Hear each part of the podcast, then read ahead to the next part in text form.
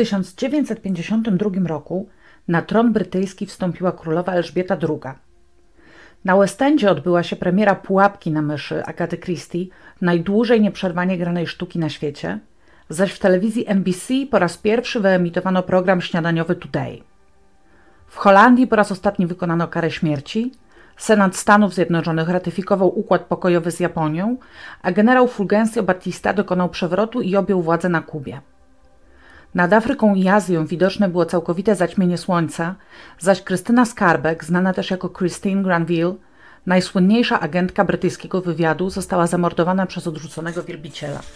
W Polsce uruchomiono elektryczną linię kolejową Gdańsk Główny, Sopot Kamienny Potok i założono port morski Elbląg. Tak, port morski w Elblągu nad Zalewem Wiślanym. Ukazało się pierwsze wydanie tygodnika Motor, a w Poznaniu doszło do katastrofy bombowca PE-2FT. Na skutek awarii silników spadł on niemal w centrum miasta, na przyczółku budowanego mostu Królowej Jadwigi, zabijając trzech członków załogi i prawdopodobnie sześć osób na ziemi. Powstała Grupa Beskidzka Górskiego Ochotniczego Pogotowia Ratunkowego, a 22 lipca uchwalono tzw. Tak stalinowską konstytucję. Przyjęto m.in. nową nazwę państwa Polska Rzeczpospolita Ludowa, zniesiono urząd prezydenta, zastępując go Radą Państwa. W Warszawie rozpoczęto budowę Pałacu Kultury i Nauki, zaś doświadczalna stacja telewizyjna Instytutu Łączności nadała pierwszy 30-minutowy program telewizyjny. Istotne dla tej historii jest jednak nie Warszawa, ale Gałkówek, miasto, którego nie ma. Dawny majątek szlachecki Gałkówek został bowiem podzielony na cztery wsie – Gałków duży, Gałków mały, Gałkówek kolonia i Gałkówek parcela. Pomiędzy Gałkowem dużym a małym biegnie linia kolejowa Łódź-Koluszki, na której właśnie pomiędzy tymi wsiami znajduje się przystanek Gałkówek. Tak też potocznie nazywa się całą okolicę dawnego majątku. W 1952 roku w Gałkowie Małym mieściła się już jednostka wojskowa, późniejsza trzecia rejonowa baza materiałowa JW 1933 obecnie zlikwidowana. Rozwijało się życie kulturalne wsi, działała świetlica, biblioteka, teatr i uniwersytet ludowy. Bliskość Łodzi i dogodna z nią komunikacja kolejowa sprzyjała aktywności mieszkańców. Wydawało się, że okolice Gałkówka powoli wracają do stanu sprzed wojny, cichego, komfortowego uzdrowiska. Walory lecznicze miał bowiem sosnowy las Gałkówek, jeden z największych kompleksów leśnych w województwie, ciągnący się pomiędzy Strzęboszewicami a Zieloną Górą, od zachodu otaczający tereny Gałkowa Małego, Dużego i Gałkówka Parceli. I właśnie w południowo-zachodniej części Lasu Gałkówek, należącej do leśnictwa Zielona Góra, w dniu 17 lipca 1952 roku kobiety zbierające jagody natknęły się na zwłoki. Była to 67-letnia Józefa Pietrzykowska, mieszkanka pobliskiej wsi Borowa, samotna kobieta utrzymująca się ze zbierania grzybów i jagód. Leżała wśród jałowców, Sukienkę miała porwaną, a bieliznę poszarpaną. Dolna część jej ciała była obnażona. Na jej szyi widać było ślady duszenia. Obok leżał przewrócony dzbanek, rozsypane jagody i rzucony tani zegarek. Kobiety przypomniały sobie, że wcześniej słyszały dobiegające z tej okolicy krzyki. Runo nie zachowało śladów sprawcy, a pies milicyjny nie podjął tropu. Sekcja zwłok wykazała, że Józefa została uduszona poprzez unieruchomienie klatki piersiowej i zadławienie rękami. Ponadto na jej głowie, udach i narządach płciowych stwierdzono liczne zadrapania i podbiegnięcia krwawe, a na plecach i pośladkach obrażenia wyglądające jak ślady uderzeń pasem. W jej narządach płciowych znajdowały się plemniki. Milicja wykluczyła zatem motyw rabunkowy, przyjęła, że do zabójstwa doszło na tle seksualnym. Śledztwo umorzono z powodu niewykrycia sprawcy. Maria Kunka miała 32 lata. W grudniu 1952 roku jej dzieci przebywały u jej rodziców we wsi Rydzynki, niedużej letniskowej osadzie koło Tuszyna. Spędziła z nimi święta Bożego Narodzenia, ale dzieci chorowały, więc 27 grudnia poszła przez las na przystanek tramwajowy, aby pojechać do apteki. Owszem, na przystanek tramwajowy. Łódź i Tuszyn były bowiem już w 1952 roku połączone jedną z łódzkich linii tramwajów podmiejskich. Linia, która wkrótce miała otrzymać numer 42, do Tuszyna kursowała do 1978 roku. Potem skrócono ją do krańcówki w Żgowie, a w 1993 zlikwidowano. W 1952 roku jednak Maria mogła jeszcze swobodnie dojechać do Tuszyna lub Łodzi oraz powrócić tym samym środkiem transportu.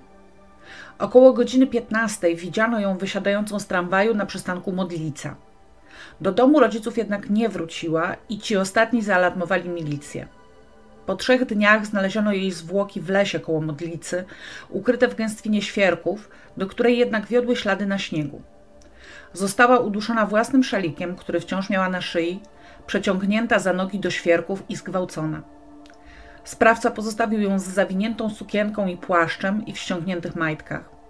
Na ciele miała liczne zadrapania i krwawe wylewy, musiała walczyć z mordercą. W jej pochwie stwierdzono obecność plemników, ale nie dało się stwierdzić, jak dawno odbyła stosunek.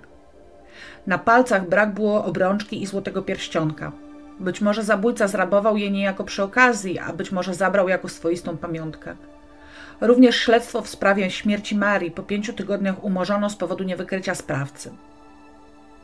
Teresa Piekarska miała 21 lat, kiedy 27 marca 1953 roku, po zakończeniu o 19 pracy, wracała z Łodzi odludną drogą między Starową Górą a Józefowem. Jej zwłoki odnaleziono na polu. Została uduszona własnym szalikiem, zawiązanym na dwa węzły. Dolną część ciała miała obnażoną, podrapaną i posiniaczoną. W jej pochwie stwierdzono obecność plemników oraz świeże rozdarcie błony dziewiczej. Pies tropiący doprowadził milicjantów do przystanku tramwajowego na ulicy Skrajnej i zgubił ślad. Również ta sprawa została umorzona. Jednak od tego momentu może się wydawać, że zabójca stracił swoje niezwykłe szczęście. 13 czerwca 1953 roku Anna P. wracała po drugiej zmianie w pracy do domu. Było już po 22, kiedy szła polną ścieżką pomiędzy ulicami Wojewódzką a Dumną w Łodzi, po niezabudowanych terenach dzisiejszej Rudy Papianickiej. Spieszyła się, więc nie zwróciła większej uwagi na idącego przed nią mężczyznę. Gdy się z nim zrównała, poczuła uderzenie w kark. Zanim zdążyła zareagować, napastnik złapał ją obiema rękami za szyję i zaczął dusić. Zepchnął ją w żyto na pobliskim polu i przewrócił twarzą do ziemi. Ściągnął z niej płaszcz, związał z tyłu ręce jakimś drutem i ściągnął z palca obrączkę. Anna była w szóstym miesiącu ciąży, więc nie broniła się, tylko zaczęła błagać o darowanie życia. Mimo to napastnik ściągnął z niej ubranie. Wtedy ze strachu zaczęła krzyczeć. Żeby stłumić krzyk, usiadł na jej głowie i zaczął jakimś kablem okładać ją po całym ciele. Jednocześnie kazał jej liczyć uderzenia. Robiła to, czując jak od uderzeń pęka jej skóra. Napastnik zażądał pieniędzy, Anna jednak nie miała przy sobie ani grosza. Obiecywała, że jeśli tylko daruje jej życie, spotka się z nim następnego dnia i odda mu wszystkie oszczędności. To nie pomogło. Nadal ją bił, a potem wstał i ściągnął jej buty. W tym momencie, nie wiadomo skąd, rozległy się dwa strzały. Wcale nierzadkie zjawisko na półwiejskich terenach, na które często podchodziła dzika zwierzyna. Napastnik uciekł. Anna dłuższą chwilę dochodziła do siebie, w końcu poczołgała się w stronę pobliskich zabudowań. Jesienią 1953 roku, na drodze przy torach w Justynowie, następnej po Gałkówku stacji w stronę Łodzi, została zaatakowana Zofia B. Kiedy wracała do domu ze stacji, przed nią szedł mężczyzna. Kiedy się zrównali, spokojnie i grzecznie zapytał, o której jest następny pociąg do Łodzi. Zofia odpowiedziała i mężczyzna oddalił się. Gdy była już około 30 metrów od swoich zabudowań, naprzeciwko zobaczyła tego samego człowieka, który krzyknął stój, bo strzelam, dopadł ją i zaczął dusić. Udało jej się krzyknąć i w pobliskich zabudowaniach ktoś zapalił światło. Napastnik uciekł przez pola w kierunku stacji. Rano mąż Zofii znalazł w miejscu napadu półmetrowy kabel elektryczny. W zimie 1954 roku Lena W. szła ścieżką przy torach podmiejskiej linii tramwajowej Łódź-Pabianice do wsi Teklin, w której mieszkała. Nagle poczuła uderzenie z tyłu i ktoś pchnął ją na ziemię, wykręcając ręce. Upadła na kolana i w przekonaniu, że to mąż ją straszy, pogratulować wyboru małżonka, zapytała: Józek, co ty robisz? Kiedy obcy głos warknął milcz, bo ci bebechy wypuszczę, zamarła z przerażenia i pozwoliła się prowadzić za wykręcone ręce. Po ujściu około 50 metrów napastnik kazał jej rozebrać się do naga i położyć twarzą do ziemi. Wykonała jego polecenie. Skrępował jej ręce paskiem i usiadł na nogach. Zapytał o pieniądze, ale kiedy zaproponowała mu dostarczenie całych oszczędności we wskazanym miejscu i czasie, zaczął ją bić kablem. Kazał jej liczyć uderzenia, a przy każdej próbie krzyku bił ją po głowie. Trwało to około pół godziny, ale w tym czasie robił przerwy. Wypytywał ją, czy ma męża, jak ją traktuje i jak często ze sobą współżyją. Lena szybko straciła siły i przestała mu odpowiadać. Kiedy usłyszał nadjeżdżający tramwaj, rozwiązał jej ręce i zbiegł. Na jesieni 1954 roku Aleksandra S. z koleżanką pojechały pociągiem do Justynowa. Uszły wzdłuż torów około kilometra, kiedy jakiś mężczyzna podbiegł do nich, wyrwał Aleksandrze niesiony pakunek i wepchnął ją do przydrożnego rowu. Koleżanka przeraziła się i zaczęła biec po pomoc w stronę stacji w Justynowie. Aleksandra zaczęła uciekać rowem. Napastnik próbował ją gonić, kilka razy krzyknął stój, bo strzelam, kilkakrotnie ją chwytał, ale dziewczyna wyszarpywała się i uciekała. W końcu napastnik zrezygnował i oddalił się w stronę wsi Janówki, zabierając ze sobą wyrwaną Aleksandrze paczkę. Zbytnio się na niej nie obłowił. Zawierała suchy chleb dla drobiu i brudną bieliznę do prania. Jednak 2 stycznia 1955 roku szczęście znów uśmiechnęło się do mordercy. Zwłoki 24-letniej Ireny Dunajskiej znaleziono w polu przy drodze wiodącej z przystanku kolejowego do wsi Borowa. Podobnie jak poprzednie ofiary, została uduszona własnym szalikiem, w tym jednak wypadku jej majtki nie zostały ściągnięte, lecz rozdarte w kroku, a duże ślady krwi potwierdziły, że przed gwałtem nie współżyła seksualnie. Oprócz zadrapań i zasinień świadczących o szarpaninie, Irena miała również złamaną kość żuchwy na skutek ciosu ręką lub narzędziem tempokrawędzistym. W pobliżu jej zwłok znaleziono szalik, który mógł należeć do sprawcy. Musiała bronić się wyjątkowo zaciekle. Irena Bernardetta Dunajska jest najbardziej rozpoznawaną ofiarą z Gałkówka, gdyż jej rodzina upamiętniła tragiczną śmierć dziewczyny, stawiając przy ulicy Krańcowej w Gałkowie Małym prosty betonowy krzyż z krótką inskrypcją. Krzyż stoi tam do dziś. Zgodnie z inskrypcją Irena została zamordowana w promieniu kilku metrów od niego. Niewiele ponad pół roku później, 21 czerwca 1955 roku, Helena J. wracała około 23 do domu, idąc ulicami Świętojańską i Darniową na Rudzie Pabiernickiej. Ledwo zauważyła w przydrożnym zbożu sylwetkę człowieka, ten zerwał się, podbiegł, uderzył ją w skroń, wykręcił ręce do tyłu i kopniakami wepchnął w żyto. Krzyczała, że ma małe dziecko i żeby ją zostawił w spokoju, ale nie zwracał na to uwagi. Przewrócił ją na ziemię, ukląkł na jej piersi i chwycił za szyję. Helena wciąż krzyczała i szarpała się, więc chcąc ją uciszyć, wepchnął jej swoją pięść do ust. Helena zaczęła go gryźć. Rozzłościł się i drugą ręką zaczął ją bić po głowie. Ciosy były na tyle silne, że kobieta przeraziła się. Wstrzymała oddech i zaczęła udawać martwą. Napastnik uspokoił się, chwilę ją obserwował, jakby upewniając się, że faktycznie nie żyje, a potem ściągnął z jej ręki zegarek, kopnął kilka razy w plecy i odszedł. 14 marca 1956 roku niespełna 18-letnia Helena Walos, uczennica jednego z łódzkich techników, przyjechała pociągiem do Gałkówka i poszła ścieżką wzdłuż lasu do niedalekiej Borowej, gdzie mieszkała jej siostra. Borowa jest bardzo długą wsią, więc Helena szła inną drogą niż ponad rok wcześniej Irena. Jej siostra niedawno urodziła dziecko i Helena wiozła wyprawkę dla niemowlaka. Została uduszona i zgwałcona. Doszło do przerwania błony dziewiczej. Jej zwłoki zostały przeciągnięte w stronę lasu i nakryte płaszczem Heleny. Pies tropiący doprowadził do przystanku kolejowego w Gałkówku i tam zgubił ślad. 27 sierpnia 1956 roku w krzakach Jerzyn obok drogi z Gałkowa do Koluszek znaleziono pochodzącą z Borowej, choć już tam nie mieszkającą, 22-letnią Helenę Klatę. Jej zwłoki były już w stanie zaawansowanego rozkładu. Mimo wszystko podczas sekcji udało się ustalić, że została uduszona i zgwałcona, a w jej pochwie znaleziono martwe plemniki. Przy zwłokach znaleziono niewielki fragment apaszki, która prawdopodobnie została użyta do uduszenia Heleny. Udało się jeszcze odnaleźć osoby, które wiedziały, że 16-letnia Hildegarda J., przebywająca w momencie składania przez nie zeznań za granicą, w lecie 54 lub 55 roku została zaatakowana na ścieżce obok przystanku tramwajowego w Ksawerowie nad linii pabianickiej. Sprawca skrępował jej ręce, zaciągnął na pole, dotkliwie pobił kablem elektrycznym, a kiedy z bólu straciła przytomność, zostawił ją i uciekł. Tak więc w ciągu czterech lat, między 17 lipca 1952 roku, a 27 sierpnia 1956 roku w okolicy Łodzi zginęło sześć kobiet, zaś sześć kolejnych odniosło obrażenia. Żadnej z ocalałych nie udało się podać rysopisu sprawcy. Wiadomo było, że napada w pobliżu linii komunikacyjnych w godzinach wieczornych, dusi i wykorzystuje seksualnie swoje ofiary. Jest bardzo brutalny, zabiera im drobne, lecz cenne przedmioty, biżuterię, posiadane pieniądze. Jak wspominają dziś mieszkańcy Gałkówka, strach było wówczas, będąc mężczyzną, wyjść samotnie z domu po zmierzchu. Każdy mógł się spodziewać zatrzymania przez milicję i porządnego pobicia przed wypuszczeniem z braku dowodów. Po zabójstwie Teresy w 1953 roku milicjanci zrozumieli, że chodzi o jednego sprawcę i do akcji wkroczyła komenda wojewódzka. Nie na wiele się to jednak zdało.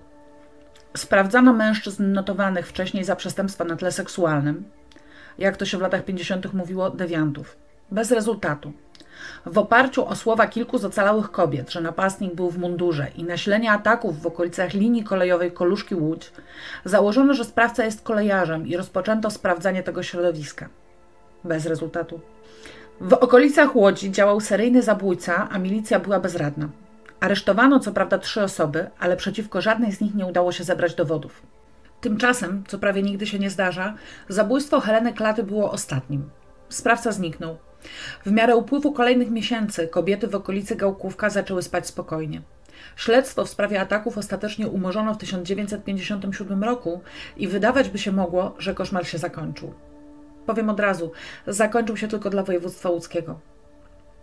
Minęło jednak sporo czasu, bo dopiero 14 września 1967 roku, po 11 latach, do komendy dzielnicowej MO przy ulicy Wilczej w Warszawie zgłosiła się zmartwiona kobieta, która poinformowała, że jej mieszkająca samotnie przy ulicy Siennej 87-letnia matka, Maria Gałecka, utopiła się w wannie. W ponadmilionowym mieście takie wypadki były na porządku dziennym. Oficer dyżurny wysłał więc tylko jednego funkcjonariusza w celu wypełnienia formalności, jednakże jak w każdym przypadku gwałtownej śmierci musiano zarządzić sekcję zwłok. Tymczasem już uczestniczący w oględzinach lekarz medycyny sądowej poczynił nieoczekiwane odkrycie. Maria Gałecka miała bowiem liczne otarcia na skórka i zasinienia na ramionach i kończynach dolnych oraz rany cięte, najprawdopodobniej zadane żyletką, na obu pośladkach. Pomimo braku podbiegnięć krwawych i skrzepów, na skutek przebywania zwłok w wodzie, były to bez wątpienia świeże rany.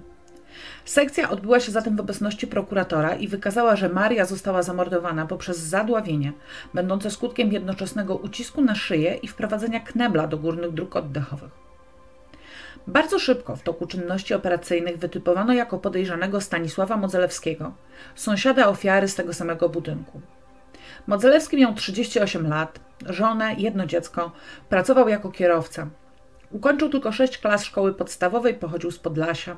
Dwa lata przed zabójstwem, w 1965 roku, miał z Marią Gałecką jakiś bardzo poważny zatarg, groził jej nawet śmiercią. W zasadzie był jedyną osobą, która mogła być posądzona o wrogość wobec starszej kobiety. Sąsiedzi uważali go za nałogowego alkoholika, jego żona zaś chętnie zwierzała się sąsiadkom, szeptano więc także o tym, że Stanisław jest impotentem. Ani razu przez 18 lat małżeństwa nie współżył ze swoją żoną, zaś ich dziecko zostało poczęte z innym mężczyzną za jego wiedzą i zgodą bardzo często i bardzo dotkliwie bił swoją żonę. Zapadło postanowienie o zatrzymaniu Modzelewskiego, które wykonano 24 września 1967 roku w miejscowości Patoki w powiecie łaskim, gdzie przebywał u teściów. Przeprowadzone po zatrzymaniu oględziny ciała wykazały na jego twarzy kilka równoległych śladów, mogących pochodzić od zadrapania paznokciami, w stanie wygojenia odpowiadającym okresowi czasu, jaki minął od zabójstwa Marii Gałeckiej. Modzelewski wyjaśnił je upadkiem, kiedy po pijanemu uczył się judo. W artykule z problemów kryminalistyki, z którego korzystałam, natknęłam się na wzmiankę, że podczas tych samych oględzin stwierdzono również prawdziwość słów żony Modzelewskiego. Przepraszam, nie umiem sobie wyobrazić, jak w trakcie oględzin może być widać po męskim członku impotencję. Modzelewskiemu postawiono zarzut zabójstwa Marii Gałeckiej. Nie przyznał się i zaprzeczył jakimkolwiek kontaktom ze starszą panią od długiego czasu. Jednak podczas pierwszej nocy spędzonej w areszcie przemyślał swoją sytuację i następnego dnia sporządził własnoręcznie pismo do prokuratora. Napisał m.in. W dniu 14 września wypiłem sporo wódki. Do domu wróciłem około 18. Żony i córki nie było, wyjechały tydzień wcześniej do teścia. Po godzinie poczułem się bardzo pijany i jakiś dziki. Nabrałam chęci do zabawienia się z kobietą. Miałem tego mało, nie odczuwałem bowiem nigdy pociągu do mojej żony, dużo ode mnie młodszej i z nią nigdy nie współżyłem. Pociągała mnie natomiast sąsiadka, blisko dziewięćdziesięcioletnia Maria Gałecka. Żyła samotnie, rzadko kto ją odwiedzał. Poszedłem więc do niej, była sama. Poczęstowała mnie herbatą, którą piliśmy przy stole. W tym czasie łapałem ją za kolana. Byłem dobrze pijany, więc myślała pewnie, że się wygłupiam i mi to wybaczała. Długo u niej siedziałem. Opowiadała o swojej córce, że jest na wczasach w Nałęczowie. Mówiła też o jakimś krewnym, który ją niedawno odwiedził. Po jakimś czasie powiedziała, że mam już iść do siebie, bo ona musi się położyć spać. Wstała od stołu, aby odprowadzić mnie do drzwi. Pewnie bała się, że nie dojdę. Ja wstałem również. Gdy przechodziliśmy obok tapczanu, rzuciłem się na Marię. Leżeliśmy na tapczanie i pamiętam, że ją dusiłem. Ona się broniła, podrapała mnie po twarzy. Nagle jednak przestała, straciła chyba przytomność po moim duszeniu. Wtedy rozerwałem na niej bieliznę, z popielniczki wziąłem żyletkę i ciąłem jej pośladki. Gdy już miałem dość, zaniosłem ją do wanny i puściłem wodę. Myślałem, że otrzeźwieje i dojdzie do siebie. Do wanny wrzuciłem jej buty, jakąś bieliznę i torbę gospodarczą. Żeby nie zmarzła, przykryłem ją kocem i wyszedłem. Było około dwudziestej. Poszedłem do siebie i nie rozbierając się położyłem się spać. Następnego dnia pojechałem do teścia, gdzie były moja żona i córka. Dlaczego udusiłem Gałecką i pociąłem jej pośladki, tego nie wiem. Sądzę, że będąc pijanym doznałem jakiegoś załamania psychicznego. Kiedy tak myślę, to chyba jedną z przyczyn uduszenia staruszki były nieporozumienia z nią na tle mieszkania. Kupiłem od niej w 1956 roku jeden pokój za 22 tysiące złotych z pieniędzy, jakie otrzymałem w spadku. Chciałem, aby mi zwróciła te pieniądze, bo domu nie rozebrali, a ja chciałem się wyprowadzić. Odmawiała mi i robiła nawet wymówki. Zawsze, gdy wypiłem i sobie to przypomniałem, to chciałem się na niej zemścić. Chciałem już to zrobić chyba w 1965, ale wzywała pomocy i odstąpiłem. Chcę oczyścić się przed panem prokuratorem i dlatego donoszę, że mimo posiadania dziecka faktycznie nigdy nie miałem stosunku z żadną kobietą. Kiedy więc 14 września popiłem zdrowo i naszła mnie ochota, to pomyślałem, że może wreszcie pierwszy raz mi się uda i wstąpiłem do Gałeckiej. Być może nic z tego nie wychodziło i ją udusiłem, ale nie zdawałem sobie z tego sprawy. Następnego dnia niczego już nie pamiętałem i wyjechałem do żony. Mniej więcej to samo zeznał potem podczas przesłuchania. Zmienił jedynie zdanie w sprawie tego, czy odczuwał do Marii pociąg seksualny i był do niej wrogo nastawiony. Do tego się nie przyznał. Potwierdził natomiast, że w 1965 roku faktycznie zaatakował Marię Gałecką, próbując ją udusić. Jej córka była tym zdarzeniem tak wzburzona, że napisała list do żony Modzelewskiego, prosząc ją o interwencję, zanim będzie za późno. Pomimo przyznania się Modzelewskiego i wydawałoby się zakończenia śledztwa, prokurator zarządził jeszcze przeprowadzenie wywiadu i zebranie danych o podejrzanym. Stanisław Modzelewski urodził się 15 marca 1929 roku w Szczepankowie w powiecie łomżyńskim. Przeżył tam wojnę i mieszkał z rodzicami do 1946 roku. Jak już wspomniałam, ukończył sześć klas szkoły podstawowej.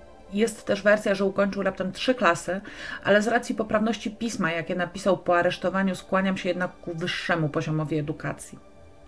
W 1946 roku przeniósł się do Warszawy, do siostry, gdzie znalazł zatrudnienie w spółdzielni ogrodniczej i jednocześnie uczęszczał na kurs samochodowy, po ukończeniu którego uzyskał zawodowe prawo jazdy. W 1948 roku, prowadząc po pijanemu, spowodował wypadek, za co został skazany na 8 miesięcy bezwzględnego pozbawienia wolności. Jeszcze dwukrotnie był później karany za kradzieże. Po pierwszym opuszczeniu zakładu karnego znalazł kilka tymczasowych zatrudnień, aż wreszcie ponownie dostał posadę kierowcy w wydawnictwie Ministerstwa Obrony Narodowej. Karierę przerwało mu powołanie do odbycia zasadniczej służby wojskowej, wówczas trwającej dwa lata. Otrzymał przydział do 12 Batalionu Budowlanego, a w ramach tego przydziału od 16 lutego 1951 roku został skierowany jako kierowca pojazdów wojskowych do jednostki w Gałkowie Małym. Podczas służby ożenił się z łodzianką i po jej zakończeniu zamieszkał z żoną w Łodzi. Pracował jako robotnik w transporcie, na lotnisku, a także jako tkacz bawełny. W 1955 roku ponownie wyjechał do siostry w Warszawie, gdzie podjął pracę kierowcy w ciepłowni. Żona pozostała w Łodzi, odwiedzał ją w dni wolne od pracy. Po śmierci rodziców dostał w spadku ziemię, którą sprzedał, aby kupić mieszkanie od Marii Gałackiej. W październiku 1956 roku żona Modzelewskiego przyjechała do Warszawy i zamieszkała z nim. Modzelewski wciąż zmieniał miejsce pracy, ale zachowywał ciągłość zatrudnienia. Najdłużej, bo od 1964 do chwili aresztowania, pracował w przedsiębiorstwie oczyszczania miasta. Przesłuchujący Mocelewskiego funkcjonariusze pamiętali jeszcze niewyjaśnioną serię zabójstw kobiet w województwie łódzkim sprzed 10 lat. Modzelewski służył w jednostce w Gałkowie. Chodził w mundurze. Tak jak zeznały ocalałe ofiary. Dlaczego nikt nie zwrócił uwagi na jednostkę, a śledztwo skoncentrowało się wokół pracowników kolei? Chyba nikomu już nie uda się dziś odpowiedzieć na to pytanie. Ponadto pierwsza ofiara z Lasu Gałkówek, Józefa Pietrzykowska, miała prawie 70 lat, Maria Gałecka zaś prawie 90. Czyżby sprawca faktycznie odczuwał szczególny pociąg do starszych kobiet? Zapytany o szczegóły z pobytu w Gałkowie, Modzelewski niemal od razu przypomniał sobie, że kiedy podpity wracał do koszar w lecie 1952 roku, miał w lesie zajście z kobietą, która nie chciała mu ulec. Wszedł do lasu, aby sprawdzić możliwość włamania się do magazynów wojskowych. Wtedy spotkał starszą kobietę zrywającą jagody. Doszło do szarpaniny, a gdy poddała się i zmęczona leżała na ziemi, zdarł z niej ubranie i pobił wojskowym pasem. Kategorycznie zaprzeczał, aby wykorzystał ją seksualnie. Przyznawał jedynie, że nieźle ją zbił i to mu wystarczyło. Wracając do koszar, spotkał kolegę z jednostki i postanowili pojechać jeszcze do Koluszek po wódkę. Awanturował się tam i został zatrzymany do dyspozycji żandarmerii. Kiedy został zwolniony i wrócił do jednostki, dowiedział się, że samochód, który miał na stanie, został użyty do przewiezienia z lasu zwłok kobiety. Pomyślał, że to pewnie ta, z którą miał zajście, Poszedł na to miejsce, ale już jej nie znalazł. Stwierdził więc, że wstała i wróciła do domu. Szczegóły podane przez Mocelewskiego zgadzały się ze szczegółami śmierci Józefy, której ciało faktycznie przewieziono do jednostki wojskową ciężarówką. Co prawda w rejestrach aresztu w Koluszkach była tylko wzmianka o aresztowaniu żołnierza w dniu jej śmierci, ale bez jego danych osobowych. Natomiast milicjanci odnaleźli byłych żołnierzy z Gałkowa, którzy potwierdzili wycieczkę na wódkę i zatrzymanie Modzelewskiego na dworcu w Koluszkach, kiedy zaczepił i usiłował pobić jakiegoś innego żołnierza. Tragiczny los starszej pani znającej się na Leśnym Runie został w końcu wyjaśniony. Stanisław nie miał zamiaru ukrywać swoich łódzkich przygód. Chętnie wyznał, że w grudniu 52 roku, kiedy zakończył już służbę i mieszkał z żoną w Łodzi, odczuwał silną potrzebę zbliżenia z kobietą. Z żoną nawet nie próbował, bo wiedział, że to nic nie da. Zaraz po Bożym Narodzeniu wyruszył tramwajem w stronę Tuszyna. Wysiadł jednak już w Modlicy, w pobliżu lasu. Z tramwaju wysiadła też młoda kobieta. Poszedł za nią, minęło kilkaset metrów, zanim zostali na ścieżce sami. Zbliżył się do kobiety i zagroził, że zrobi jej krzywdę, jeśli z nim nie pójdzie. Nie broniła się, poszła. Nie wytrzymał jednak i zaledwie po kilku metrach schwycił ją w pół, popchnął na ściółkę. Próbowała się podnieść, zaczęła walczyć, biła go i kopała.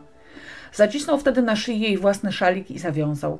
Kobieta znieruchomiała. Modzelewski przeciągnął ją w świerki, rozerwał jej ubranie i zaczął się zaspokajać. Na pamiątkę po tej kobiecie ściągnął jej z palców pierścionek i obrączkę. Modzelewski opowiadał o zabójstwie Marii Kunki z podnieceniem i słyszalną satysfakcją. Wydawał się przeżywać je ponownie. Powtarzał, że wychodził na łowy, żegnał go popęd, którego inaczej nie był w stanie zaspokoić. Kontynuował również w tonie przechwałki opowieść o tym, jak to wyruszył na polowanie w marcu 1953 roku. Znów pojechał linią tuszyńską i znów pragnienie wygoniło go z tramwaju na długo przed końcem trasy. Tym razem wokół były pola i rzadko rozsiane zabudowania. Trzeba było dużego pecha, żeby na takim odludziu nocą natknąć się na niego. Pecha takiego miała Teresa Piekarska. Kiedy już Modzelewski zaczął opowiadać, trudno mu było przestać. Wydawać się mogło, że nie zwraca uwagi na reakcje przesłuchujących milicjantów i wciąż się chwali. Kiedy na początku 1955 roku wyruszył ponownie do Gałkówka, przyczaił się koło torów i czekał na kobietę samotnie idącą od pociągu. Okazała się nią wracająca od narzeczonego Irena Dunajska. Faktycznie, kiedy ją zaatakował, walczyła tak zaciekle, że stracił nad sobą kontrolę i uderzeniem pięści złamał jej żuchwę, a dopiero potem udusił. Odchodząc, zabrał jej portmonetkę i zegarek, a napotkanego koło przystanku kolejarza poinformował spokojnie, że w polu ktoś leży, chyba pijak. Jednak zwłoki Ireny odnaleziono dopiero następnego dnia rano. Jeśli chodzi o napaść, jakiej dokonał w marcu 1956 roku na Helenę Walos, zapamiętał, że dziewczyna była młodziutka i że niosła pod pachą pakunek. Ponadto, według jego słów, chodziła jak kaczka i sepleniła. To się zgadzało. Helena lekko sepleniła z powodu polipów w nosie i w dniu swojej śmierci założyła zupełnie nowe buty, które otarły jej nogi. Zagadnął ją grzecznie, spytał dokąd idzie.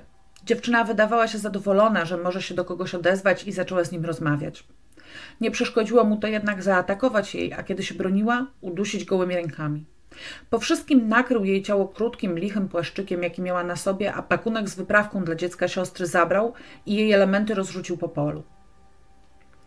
Kiedy w lipcu tego samego roku został zwolniony dyscyplinarnie z etatu kierowcy w elektrociepłowni, upił się bimbrem i postanowił pojechać w odwiedziny do żony, przebywającej wówczas u teściów w Patokach. Nie dojechał jednak do Łodzi. Kierowany pijacką fantazją i widokiem skąpo odzianych ciał współpasażerek wysiadł w Lipcach Rejmontowskich i ruszył wzdłuż torów. Potykał się i zataczał, czasem przysiadał na chwilę w rowie, nikogo w okolicy nie było. W czasie tej wędrówki znalazł sporą śrubę z nakrętką i schował ją w kieszeni. W końcu doszedł do dworca w Koluszkach. Było to około 20 kilometrów. Posilił się małym piwem i ruszył dalej. O wschodzie słońca znalazł się w pobliżu przystanku kolejowego w Gałkówku, gdzie zaczęli się pojawiać pierwsi podróżni spieszący na pociąg. Bez problemu wypatrzył samotnie idącą kobietę, Helenę Klatę, zbliżył się do niej i raptownie przycisnął do siebie. Helena przeraziła się i zaczęła go błagać o litość, powtarzając, że jest sierotą. Kiedy to nie pomogło, zaczęła krzyczeć i bić go torbą. Modzelewski uderzył ją w głowę znalezioną przy torach śrubą, a kiedy upadła, wziął pod pachę i zaciągnął w pobliską kępę krzaków.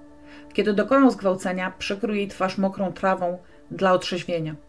Z torebki zabrał dowód osobisty, polami wrócił na stację w Koluszkach, wypił piwo i wrócił do Warszawy.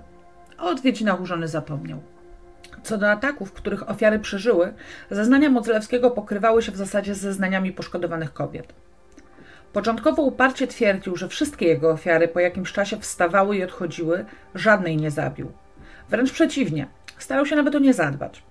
Marię Gałecką i Helenę Walos okrył, aby nie marzły, na Helenie Klacie położył mokrą trawę dla otrzeźwienia. Zastanawiające, że robił to właśnie z trzema ostatnimi ofiarami. Wydaje mi się, że pomimo wszystko zabijanie mogło nie być jego celem. Mógł z siebie wypierać fakt dokonania morderstwa, próbować mu jakoś przeciwdziałać poprzez tą karykaturę opieki nad ofiarami. Oprócz ataków na kobiety, Mozelewski przyznał się również do dwóch napadów rabunkowych na mężczyzn, co znalazło potwierdzenie w archiwach łódzkiej policji. Sprawy tych napadów również zostały umorzone z powodu niewykrycia sprawcy.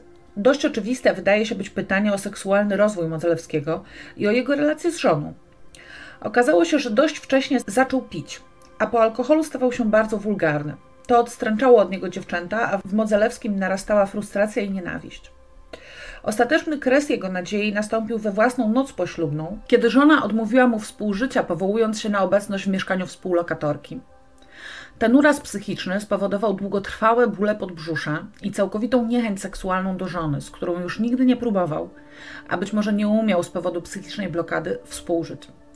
Dlatego krótko po ślubie zaczął ją bić, zwłaszcza kiedy wracał pijany. Bił ją wtedy sznurem od żelazka, powtarzając, że jej nienawidzi, a ona powinna wiedzieć za co. Być może właśnie w tamtym czasie wykształcił się u niego mechanizm seksualnego zaspokojenia poprzez znęcanie się nad kobietą. Końcowej fazie ich związku bił żonę już regularnie, co kilka dni, a potem spokojnie zasypiał, aby następnego dnia żałować swojego postępowania i jej współczuć. Żona opowiadała o jego impotencji, ale wobec stwierdzonych gwałtów na większości jego ofiar śmiertelnych możemy chyba przyjąć, że na skutek urazu psychicznego Mocelewski nie odczuwał po prostu do niej pociągu, natomiast nie był impotentem. Przyglądając się z kolei datom ataków na kobiety od 1952 do 1956 roku, można, jak myślę, założyć, że mechanizm zaspokojania się poprzez przemoc w pełni wykształcił się u Stanisława właśnie w 56 i od tamtej pory samo bicie żony stało się dla niego wystarczające. Nie miał już potrzeby dokonywania gwałtów. Całą satysfakcję zapewniało mu znęcanie się nad kobietą. Zwłaszcza, że właśnie w 56 roku żona przyjechała do niego do Warszawy i miał ją już codziennie pod ręką, a na obcym terenie nie mógł być tak pewny siebie jak w dobrze znanych okolicach Łodzi. Dopiero jej dłuższa nieobecność spowodowana wyjazdem do teściów popchnęła Stanisława do dokonania ostatniego napadu. Z jednej strony więc pani Modzelewska przyczyniła się do rozwoju sadystycznych skłonności swojego męża, z drugiej jednak fakt, że przez tyle lat znosiła sposób, w jaki ją traktował, najprawdopodobniej uratował życie kobietom, których Stanisław nie zaatakował, mogąc się nad nią znęcać. Ciekawym rysem osobowości Modzelewskiego jest fakt, że według zeznań świadków lubił dziecko swojej żony, zajmował się nim prawidłowo i wydawał się czerpać radość z jego towarzystwa. Nigdy też nie zdradzał wobec niego zachowań sadystycznych. Biegli psychiatrzy orzekli, że nie są w stanie wydać opinii o Stanisławie Modzelewskim na podstawie jednorazowego badania. Zawnioskowali o jego obserwację psychiatryczną, która odbyła się w dniach 29 kwietnia 21 września 1968 roku w szpitalu psychiatrycznym w Grodzisku Mazowieckim. Po jej zakończeniu wydali opinię, że nie zdradza objawów choroby psychicznej ani niedorozwoju umysłowego, jest osobnikiem encefalopatycznym z wyraźnie rozpoznanymi charakterologicznymi odchyleniami od normy, w chwili dokonywania zarzucanych mu czynów nie posiadał zniesionej ani w żadnym stopniu ograniczonej zdolności do ich zrozumienia i kierowania swoim postępowaniem. Biegli uznali ponadto, że poziom intelektualny i zakres wiedzy oskarżonego odpowiadają wykształceniu, jakie zdobył i środowisku, z jakiego pochodzi, zaś stwierdzona encefalopatia, czyli zaburzenia pracy mózgu widoczne podczas badania EEG, mogą pochodzić zarówno od kopnięcia oskarżonego przez konia lub pobicia, jakie miały miejsce w trakcie okupacji, jak i od urazu okołoporodowego, który wobec poziomu przedwojennej opieki zdrowotnej mógł pozostać niezauważony. Psychiatrzy uznali, że przestępstwa Mocelewskiego miały charakter popędowy. Spaczony popęd płciowy jednak nie górował u niego nad intelektem. Zarówno przygotowywał się do popełnienia przestępstw, zabierając ze sobą kabel do bicia i krępowania, wybierając miejsce ataku, jak i potrafił przerwać napad, jeśli uważał, że sytuacja robi się dla niego niebezpieczna, jak podczas ataku na Annę P. Nie znaleźli u niego żadnych cech mogących wskazywać na zaburzenie świadomości, na które Mozelewski powoływał się, twierdząc, że nie pamięta momentów morderstw. Biegli stwierdzili, że na skutek pobudzenia w momencie napadu mogło dojść co najwyżej do zawężenia świadomości i, pewnego rozmycia wspomnień, co może być też przyczyną początkowego upierania się przez sprawcę, że jego ofiary wstawały i same odchodziły. Obrona wniosła oczywiście o powołanie drugiego zespołu biegłych, ale sąd nie przyjął tego wniosku. Proces trwał 11 dni. W ostatnim słowie Mocelewski stwierdził tylko: Niech sąd sam zadecyduje, ja już nic nie poradzę. 15 lutego 1969 roku Sąd Wojewódzki w Warszawie uznał go winnym zarzucanych czynów i wydał wyrok śmierci oraz utraty praw publicznych i obywatelskich praw honorowych na zawsze. Obrońcy wnieśli apelację, powołując się na fakt, że celem Modzelewskiego nie było zabijanie, a jedynie zaspokojenie seksualne, pozbawienie zaś ofiary życia następowało niejako przy okazji, bez udziału jego świadomości. Nie zasłużył więc na karę śmierci. Sąd Najwyższy jednak nie zgodził się z tą tezą, podnosząc, że Modzelewski umiał się opanować i odstąpić od ataku, kiedy nie udawało mu się od razu obezwładnić ofiary. Podtrzymał wyrok Sądu Wojewódzkiego. Rada Państwa nie skorzystała z prawa łaski. Wyrok śmierci wykonano 13 listopada 1969 roku w areszcie przy ulicy Rakowieckiej 37 w Warszawie. Dzień dobry wieczór. Bardzo się cieszę, że słyszymy się czy raczej słuchacie mnie już po raz trzeci. Dziś zapraszam na zwiedzanie okolic mojej ulubionej łodzi. Sprawa Stanisława Modzelewskiego jest jedną z tych, o których najbardziej chciałam Wam opowiedzieć. Więź pomiędzy mordercą a jego żoną, która trwała przy nim przez kilkanaście lat, pozwalając się katować, jest dla mnie trudna do zrozumienia. Cieszę się, że przynajmniej miała dziecko, które mogła bezkarnie kochać i o które dbała. Natomiast z jedną z ofiar w tej sprawie czuję szczególnie bliską więź. Irena to imię mojej ukochanej postaci RPGowej. Irena dostarczyła najistotniejszych dowodów przeciwko Tadeuszowi Ołtakowi. Irena walczyła ze Stanisławem Modzelewskim niemal jak równa z równym. Może to imię naprawdę niesie w sobie jakąś ukrytą siłę? Bardzo serdecznie pozdrawiam wszystkie Ireny. Do usłyszenia niedługo.